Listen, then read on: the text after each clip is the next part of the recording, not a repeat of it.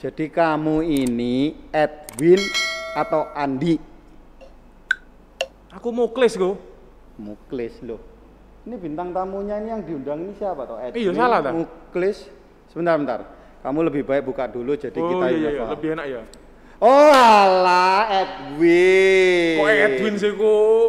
Edwin kan yang sampai koma Loh, masuk med- bukannya kamu sudah bangun dari koma ya? belum bu bukan bangun Bu. iya emang nggak pernah koma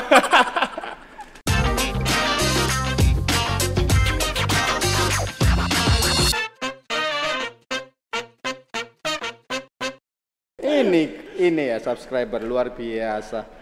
Ternyata dia juga punya kembaran ya. Itu ternyata adik atau kakak atau dirimu sendiri yang terkloning. jadi saya juga sebenarnya bingung nggak bisa tidur kok baru pertama kali ini kena hoax ya gitu amat gitu loh hoaxnya aku Jadi rasanya enak kan tuh ya. Jadi viral. Jadi semua orang mengenal kamu Iya. dengan Edwin. iya lucu juga gitu loh mamaku ya tak telepon ma mama dapat broadcastan itu nggak yang apa Edwin Edwin itu Oh, enggak dapatnya. Oh, mama nggak punya grup ya? Iya, mama nggak punya grup. Oh, untung ya. Untung. Soalnya aku setelah tak telaah-telaah ya, berita itu nyebar gara-gara grup-grup WA. Jadi asal muasalnya siapa sih yang membuat video itu? Kalau yang buat video itu, itu temanku sendiri, si Steven. Jadi gini, video sama, kan ada ini kok, di broadcast itu ada video sama ada beritanya yang kecil tengah itu. Kalau videonya itu benar, ya emang aku lagi minum. Oke, oke. Tapi yang berita bawahnya itu palsu. Oh, jadi itu kan tersebar di dalam grup ada videonya dan terus ada embel-embelnya gitu ya. Betul. Oh. Lah kok aku ini dibilang pertama nama Edwin, jelas-jelas namaku Andi gitu loh, Andi Sugar. Subscribe. Ya manis kan? Ya, tapi kan enak, kamu kan anak uni toh Masian. Anak apa? Kan ditulis sama si kuliah toh. Iya, berarti mukaku ini masih baby face itu ya. Iya, kayak anak SMP. Waduh. Ya, tak jajan lagi mah gitu. Oke, anyway, Yes. eh, berita yang seperti itu ketika datang membuat banyak positifnya atau negatifnya? Atau semua langsung rame, loh, kamu kenapa? Kamu kenapa? Apa gitu? yang pertama kali aku pikirkan itu bukan positif atau negatifnya, tapi lucunya aku. Aneh Nggak- ya? nggak bisa nahan ketawa aku itu.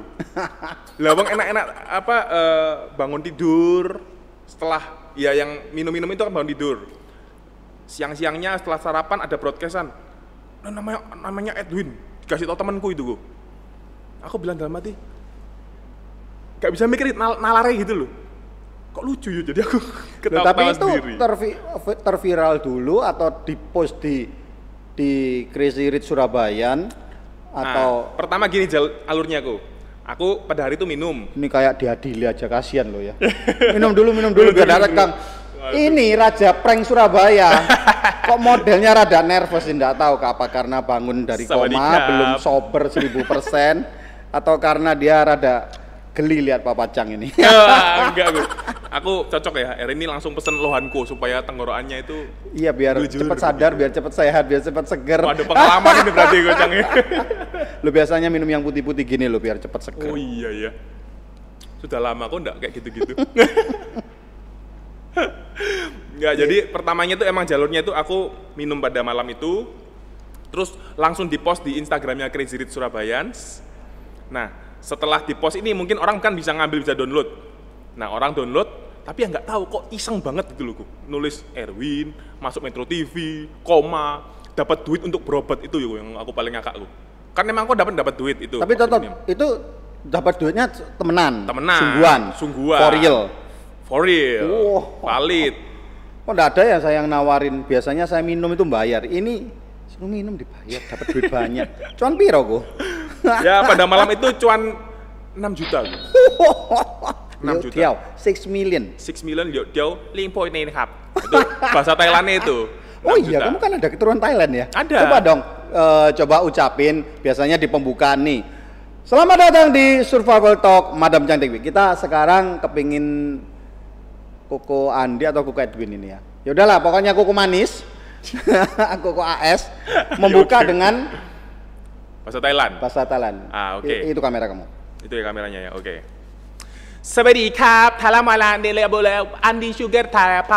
Temoy. Surufiful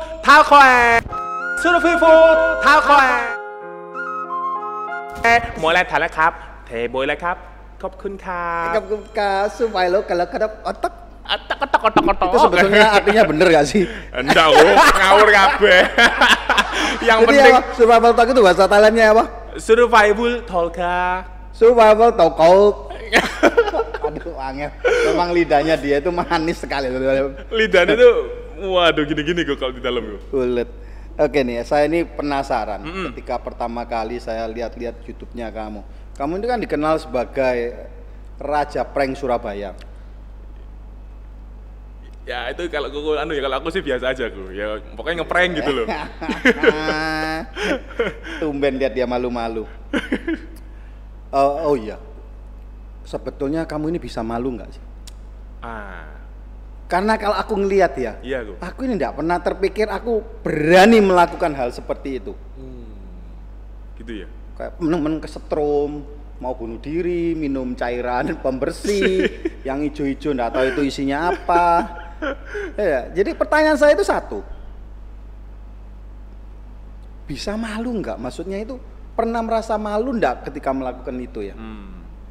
Jadi gini kok, karena sudah tertancap dalam pikiran gue ya, sampai aku setiap kali video itu selalu bilang karena malu itu cuma persepsi. Itu yang intinya kok. Jadi kenapa aku kata pakai kata-kata itu? Karena tingkat malu seseorang ini yang bikin batas itu ya orangnya sendiri gitu loh. Aku misalnya aku teriak halo gitu. Kalau aku di, di tengah mall gitu di misalnya. tengah ya? mall ya. Kalau aku merasa berani, tapi ada orang yang merasa malu. Nah kok bisa beda? Berarti kan orang itu punya batasnya sendiri-sendiri. Ya Nah, padahal kalau anak kecil ya. kalau anak kecil kan nggak ngerti malu bukan. Wong di panggungnya kawinan, gitu kan. Lari-larian apa namanya kejar-kejaran dulu gue biasanya gue. Kamu pernah buat film seperti itu? Nggak pernah, cuman naik ke panggung buat apa ngerusuin acaranya orang pernah. Di Oh. Oh jadi Mall. karena kamu ketika mas sampai sekarang ketika mau buat konten tuh masih harus self talk gitu ya? Betul. Jadi gini kok, eh, untuk malu itu sebenarnya kalau nggak ada kamera yang ngerekam atau aku nggak lagi buat konten, aku ya malu kok kayak gitu kok ngapain? Karena nggak ada purpose-nya. Karena nggak ada purpose-nya, nggak ada hasil jadinya gitu loh. Tetapi waktu kamera sudah ngerekam, aku kalau misalnya teriak ya, kayak waktu itu lagi Avenger gue, waktu apa Wakandanya mau diserang, dia bilang nih Nippon Pen gitu loh.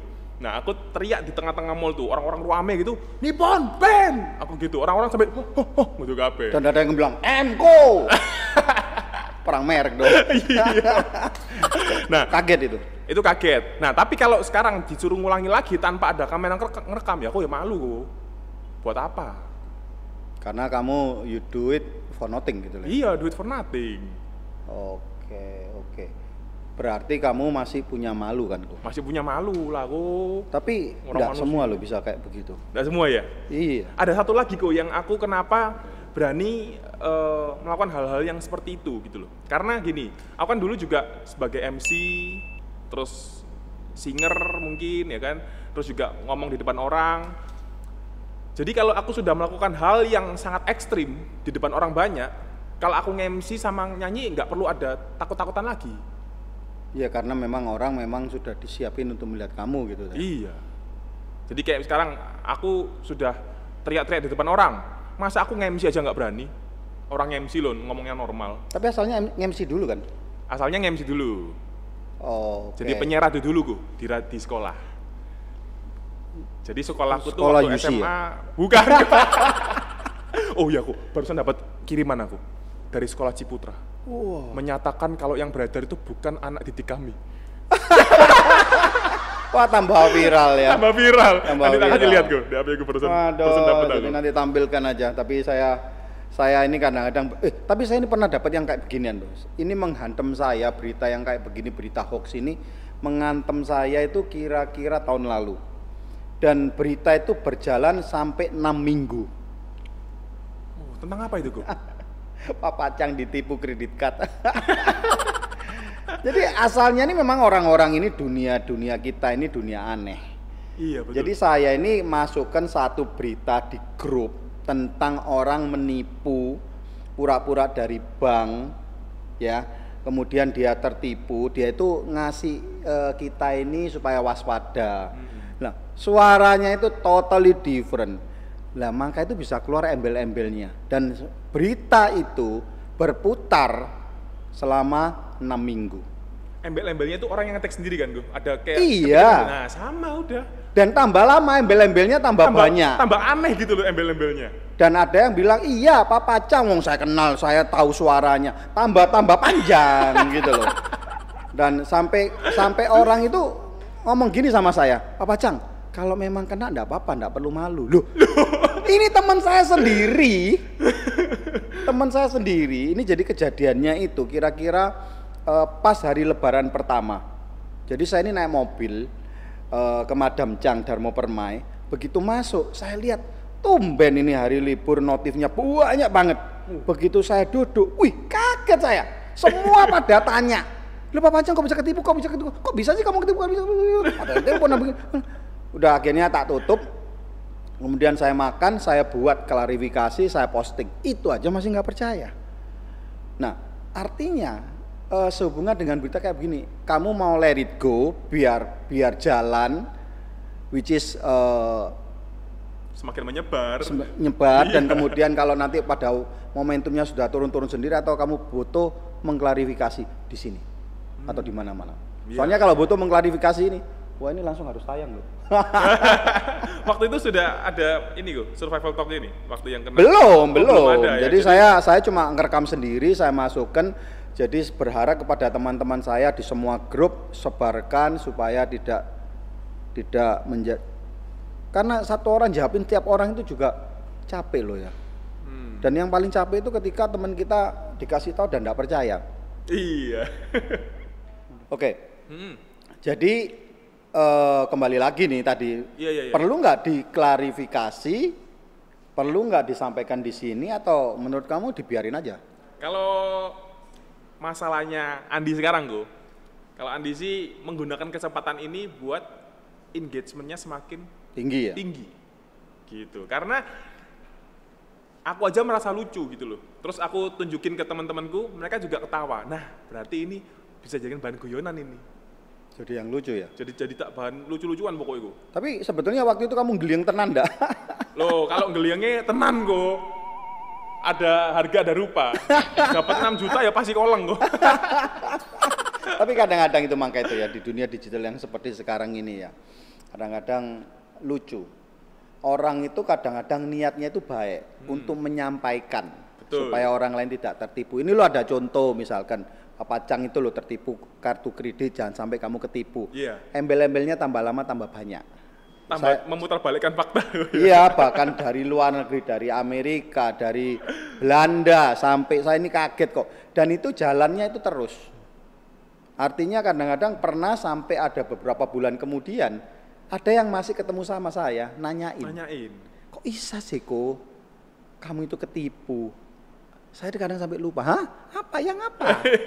Lu yang itu loh. Jadi jadi kadang-kadang ya begitulah ya. Di dunia sekarang itu mau jadi viral itu gampang sebetulnya. Gampang. Iya, baru merasakan aku gue. Mau dikasih gitu doang aja follower naik. Terus engagement meningkat. Tapi berarti terhadap Universitas Ciputra juga ada baiknya, terkenal atau disebut-sebut dia malah kan. malu? Iya, tapi itu gue ada dua sisi kalau dia. Disebut-sebut makin terkenal, tapi terkenalnya gara-gara siswanya mabukan. Maaf ya Ciputra, gak melak-melak loh Ciputra. Oke, eh, kembali lagi nih, pertama kali buat YouTube, Oke. pakai konsep atau jalan duluan? Hmm. Artinya konsep prank ini come later atau mulai awal kamu sudah ngeprank-ngeprank gitu? Oh, tentu saja tidak. Jadi kalau dilihat dari YouTubeku pertama kali itu video gak jelas kok. Aku lagi ngikutin kompetisi game Clash of Clans, suruh bawa, eh suruh buat video tentang event di game itu. Gak jelas lah pokoknya. Aku cerita ya malu saja nih. Dari habis itu kedua, aku mulai ngevlog ngevlog, ya kan? Yang nonton, wuh, satu. Tapi memang Wah. mulai awal ada ada terpikir back of your mind tuh aku kepingin jadi youtuber. Ada.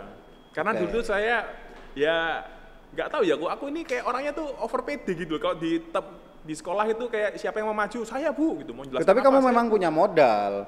Modal Secara apa? fisik keren, tinggi, Oh. keker, muka bagus, rambut ada lah. Saya ini lah nggak punya modalnya gitu loh. Udah nggak punya modalnya, ketipu lagi. Oke kembali lagi. Kalau Jadi- aku itu waktu itu pertama kali yaitu tadi video gak jelas, terus ngevlog yang nonton satu dua orang loh. Terus ke, aduh, aku mikir gini gue, waduh kayaknya nggak bisa di YouTube soalnya aku ini bukan siapa-siapa. Kalau aku ngevlog, halo guys, aku lagi di sini, lagi di sini, siapa yang mau nonton, siapa aku gitu kan? Vakum gue langsung. Begitu vakum, Oh sempat vakum berapa lama? sempat vakum, vakumnya ya lama gue aku buat buat video buat YouTube itu channelnya 2013 kalau nggak salah. Oh lama ya. Iya, kan buat cuma lihat-lihat doang, karena kan emang suka lihat YouTube. Setelah itu ngevlog gak jalan, terus aku ngeliat ada dua orang yang sekarang jadi temanku, Brandon Ken sama Yudi Sardana, itu yang buat aku kayak, wah, bikin kayak gini lucu juga ya. Mereka kan soalnya waktu, ya. waktu ngeprank soalnya. Wah, bikin kayak gini lucu juga ya. Aku ketawa, cewekku ketawa, teman-temanku ketawa semua. Berarti lucu ini emangnya. Harus tak tiru ini. Tapi aku mikir lagi, aku niru gini berani nggak ya? Berani. Akhirnya nyoba aku, nyoba sekali, dua kali, tiga kali, keterusan gitu. Karena ngerjain orang Langsung itu engagementnya naik ya. naik juga, terus ngerjain orang itu kayak dulu kan aku suka lihat spontan gue yang komen itu loh, Iya, spontan, iya, iya. wuih. Nah, kocak kan itu gue. Aku pengen membuat orang tuh ketawa gitu loh. Oke, dalam prosesnya waktu behind the scene-nya, pernah nggak mau ditempiling orang, atau sampai pernah mau ribut sama orang, sampai dimaki-maki orang? Nah, untuk saat ini nggak pernah sama sekali. Cuman pernah sekali, sekali doang, itu aku temanya pura-pura ngevlog sama orang nggak kenal. Jadi kayak Koko gini lagi duduk gini ya, aku dari sana jalan-jalan tek, duduk sebelah Koko langsung aku, halo guys, aku sekarang lagi sama papa aku nih, kita lagi nungguin mama aku di toko itu tuh. Terus om-om ini agak ter- terganggu, jadi kan emang udah kalau om-om agak tua kan itu ya apa pikirannya nggak nggak kayak Apa sih ini? gini ya? Iya, dia malah terganggu gitu loh, kayak punya harga privasi saya gitu. Mungkin aku salahnya di sana, nggak menelaah orang dulu. Dia langsung, oh ini dari siapa ya? Enggak, enggak, saya nggak mau kayak gini-gini, hapus, hapus, hapus. Nah, gitu doang. Sekali doang. Aku Oh. salah sasaran. Karena kamu pernah eh, pernah tahu nggak ya ada youtuber yang waktu itu dia ngeprank ini kalau nggak salah di Rusia Hmm. kejadiannya dan yang di prank itu adalah gangster dan dia ditembak. Yang gitu kan apa kayak kotak surat itu ya? Yes, Iya, aku pernah lihat, aku pernah lihat. dan dia ditembak. Iya, di dalam gue tembaknya. Duh, Yes. duh, nggak bisa ke mana-mana. Tuh ngeri sih itu. Dan kalau lihat di youtuber Russian itu juga barusan ada heboh lagi kamu tahu ya, yang dia ditantang hanya kalau nggak salah cuma 14 juta rupiah, 14 juta rupiah, 14 juta 500 atau 1000 US dollar. Dia itu ditantang oleh viewernya waktu live. eh ini barusan-barusan aja berarti Rusia kan lagi dingin nih. Betul. Dia minta pacarnya, girlfriendnya yang lagi hamil untuk pakai bikini di luar outdoor. Dan akhirnya, you know what happened? Girlfriendnya itu mati pak. Loh, kok mati? Dan waktu yang paling konyol lagi, waktu mati pun juga di live kan sampai dia ditangkap polisi. Loh, matinya gara-gara apa, Bu? Hipotermia, kedinginan. Dan kedinginan dia tidak mengerti bagaimana caranya. Jadi pada waktu dia kolaps ditaruh di ruang tamu, ya Anda bisa search. Hmm. Jadi I'm very sad. Yang paling tambah sad itu apa? Satu, demi 14 juta menjual nyawa. Untuk apa?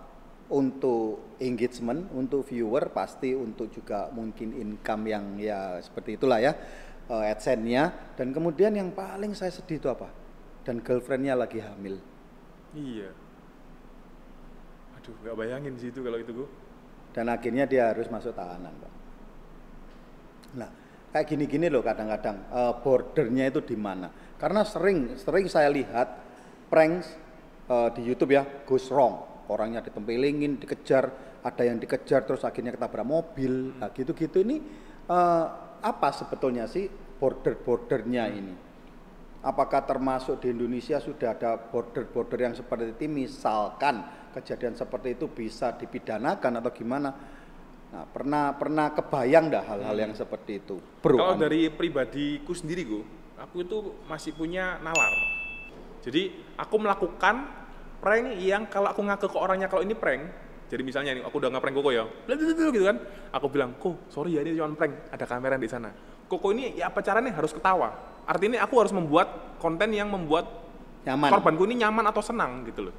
Mungkin eh, ada orang lain yang berpikirnya itu agak ngawur tuh. Jadi dia ber- berpikiran kayak gini, aku harus melakukan sesuatu yang out of the box, ekstrim nggak apa-apa, terkenal dulu, nanti kalau salah minta maaf, yang penting udah dapat engagementnya. Karena kadang-kadang minta izin sulit ya. Sulit loh, iya, Dan jadi nggak natural. betul. Oh, ada lagi saya baru ingat Settingan. beberapa tahun yang lalu. eh, jadi gini, eh, boyfriend ini kejadian kalau nggak salah di Amerika. Jadi boyfriendnya ini di dalam apartemennya girlfriendnya, Di dalam apa? di dalam Apartemen. apartemennya. Heeh. Dia masuk, jadi eh, boy eh, girlfriendnya itu datang pulang belanja, nggak terpikir apa-apa dan tahu-tahu kagetin gitu ya. Dia lari ke depan apartemen, Oh, dikejar, tahu. Iya, terus dan ditabrak. ditabrak mobil Tabrak mobil. di depan cowoknya. Iya. Saya nggak tahu itu real atau tidak ya. Hmm. Apakah kita juga yang sebagai penonton juga kena prank pisan? Iya, Bahkan iya, itu iya. buat-buatan gitu. Iya, iya, iya. Tapi hal-hal yang kayak gitu saya langsung mikir, aduh, Kok ngawur ya gitu gue ya? scary ya. Betul betul. Kadang ada yang sampai ya ya kalau korban itu kan juga ada ya. Jadi sebagai konten kreator ini kadang-kadang ya apa ya? Kamu kan jauh lebih pengalaman nih. Wah, Eh, sama-sama belajar Pasti itu. banyak. Loh, buktinya yang beberapa bulan yang lalu ada kan sampai ditahan Oh iya, iya. ya Yang ngasih ngasih bingkisan palsu itu di zaman orang sulit sampah, itu kan ya. Nah, itu jadi ketika you create satu konten itu konten spontanitas atau yang terprogram. Eh, kebetulan kalau Andi ini orangnya orangnya spontan tuh. Jadi jarang sekali aku itu melihat future. Jadi itu yang agak minus juga sih. Jadi aku tuh melihat apa yang sekarang lagi happening aku buat, apa yang sekarang lagi orang pingin aku buat. Jadi sesuai trending. Iya. Jadi juga yang masalah border itu maka dari itu aku bisa menyimpulkan kalau channel Andi Sugar ini sangat sedikit hatersnya karena border yang aku pilih itu yang sangat jelas kok. Jadi aku ngeprank pasti orangnya seneng. Jadi jangan Aku bikin sampai konten orangnya pasti ketawa gitu. Jadi nggak ada haters. orang itu kadang-kadang merasa direndahkan. Betul. Dan saya sebetulnya itu rada satu nggak suka. Saya yakin kamu tahu di Amerika itu prank salah satu yang paling terkenal beberapa tahun yang lalu. Sekarang sudah ratingnya turun. Saya tahu. Apa? Gold digger. Yes. Wah. Sekarang sudah mulai turun kan trennya. Iya iya iya. Aku nggak nyaman lihat itu. Saya saya ini laki nggak nyaman lihat Hmm, itu. hmm. Jadi kadang-kadang saya itu melihat itu kepin observe behaviornya kenapa. Hmm, Tapi kasihan loh digituin ya. hmm, hmm, hmm. Kasihan ya. kasihan gue sebenarnya. Cuman sekali lagi, eh, apalagi kita bilang orang bule ya yang mayoritas kayak pemikirannya itu gak ngurus, yang penting view-nya gede. gitu Iya. loh. Dan kalau di Amerika itu hukumnya itu jelas gitu loh. Kalau kamu salah ya salah, enggak ya enggak. Kalau sini kan kita mestinya benar tapi ada salah dikit bisa dipidanakan Ini atau ada yang apa mobilnya gitu. bagus akhirnya dikepruk pakai skopnya Iya, itu. cuma kalau di ah, bule-bule juga ekstrim kayak tadi ditembak gitu kan ya ekstrim juga loh. Ya tapi kan kadang-kadang eh, kalau kita nggak observe di lapangan dengan baik kan kita nggak tahu mangsanya kita Iya, siapa. betul. Tapi kalau dari gold digger ini aku sudah searching juga rata-rata yang aku lihat di bule-bule itu fake semua, Jadi settingan semua. settingan semua. Jadi Nggak ada yang sampai- bener-bener real. Iya, nggak ada yang bener. Sampai yang pasti kan punchline-nya dia itu waktu mau masuk ke mobil sportnya, Iya, ternyata iya. mobilnya depannya tuh pickup gitu kan, misalnya atau sama kambing-kambing gitu kan. Terus si cewek dilemparin skop gitu kan. Itu bisa Andi pastikan settingan. Jadi nggak ada yang real ya. nggak ada yang real. Apalagi kondisi muka ceweknya nggak disensor. Ada yang nggak disensor, ada, dua lah. Pokoknya Nah sama-sama itu sensor. kadang-kadang bener. Aku ini mikir kok nggak malu ya? Apa nggak minta izin? Kalau nggak minta nggak minta izin, Bahaya. nggak takut dituntut gitu loh ya. Betul, betul. Kedua, agennya itu kan kadang-kadang bagi orang yang nggak ngerti menganggap orang Amerika cewek-ceweknya stereotipnya seperti itu, gampangan asal kamu punya mobil mewah ya Betul. Itu eh, kamu bisa dapatkan cewek-cewek lah. Hmm. Yang terjadi sehingga apalagi di Amerika itu sewa mobil itu kan mulai mobil mulai mobil truk jelek ya Iya. sampai mobil yang sangat keren yang harganya puluhan miliar di sini Iya. itu bisa, Bisa. gitu loh. Jadi kan lebih akhirnya- bisa daripada Indonesia, lebih banyak di sana pasarnya kan. Ya kan itu kan akhirnya jadi satu ide. Lah artinya dalam membuat sesuatu ini entertainment ini ada nggak terpikir oh ya salah satunya oh iya ini eh, ini prank yang terdidik atau ya ya sudah pokok prank ya ya make everybody smile lucu kayak tadi pembukanya dengan bahasa zu apa Thailand. bahasa Thailand apa Thailand KW. survival talk itu Survival Tolka. Eh, kalau gini kan membuat orang tertawa. Iya, gitu. bener. Ya, jadi jadi eh, terpikir nggak mau konsep yang lebih bagaimana gitu loh? Eh, kalau gini kok, dulu pernah ada juga komen yang seperti ini. Channel nggak mendidik, gitu kan? Nah, aku langsung bales. Lu bro, nggak salah tempat. Kalau mau cari channel yang mendidik, ya ke Mata Najwa. Ya ke kok kok bisa gitu loh. Ini survival talk. Survival talk, ya kan? Sudah berpendidikan bisa dapat makan minum gratis. Oh iya iya iya iya iya iya. iya, Kalau iya. kenal Pak Pacangnya, makanya kenalan guys. Iya. nah, Maka jangan jadi lupa subscribe ya. jadi kalau cari mendidik emang aku nggak mendidik sih. Aku jujur aja. Tapi menghibur. Tapi menghibur. Oke. Rata-rata orang yang lihat meskipun dari usia kecil sampai sudah dewasa juga ket- kalau ketemu sama aku, wah kontenmu lucu bro, suara aku ngakak-ngakak ngeliatnya. Dan Ya. itu juga tercermin dari subscriber dan viewer kan. Iya dan komen. Dari komen kita bisa baca kan, wah ngakak, gila lu bang, urat malunya putus atau apa gitu kan. Yang penting orang terhibur gitu loh. Kalau aku udah dengar komen kayak gitu tuh jadi seneng. Ternyata aku Loh. bisa buat orang ke- Pernah ketawa. nggak? Pernah nggak kamu itu di komen orang dan sampai nggak bisa move on kepikiran terus kamu itu kan modelnya kayak begini, tapi rasa-rasanya kamu itu punya soft heart. Bener nggak sih? Kok tahu aja gue ini ya. Ya bener, cuman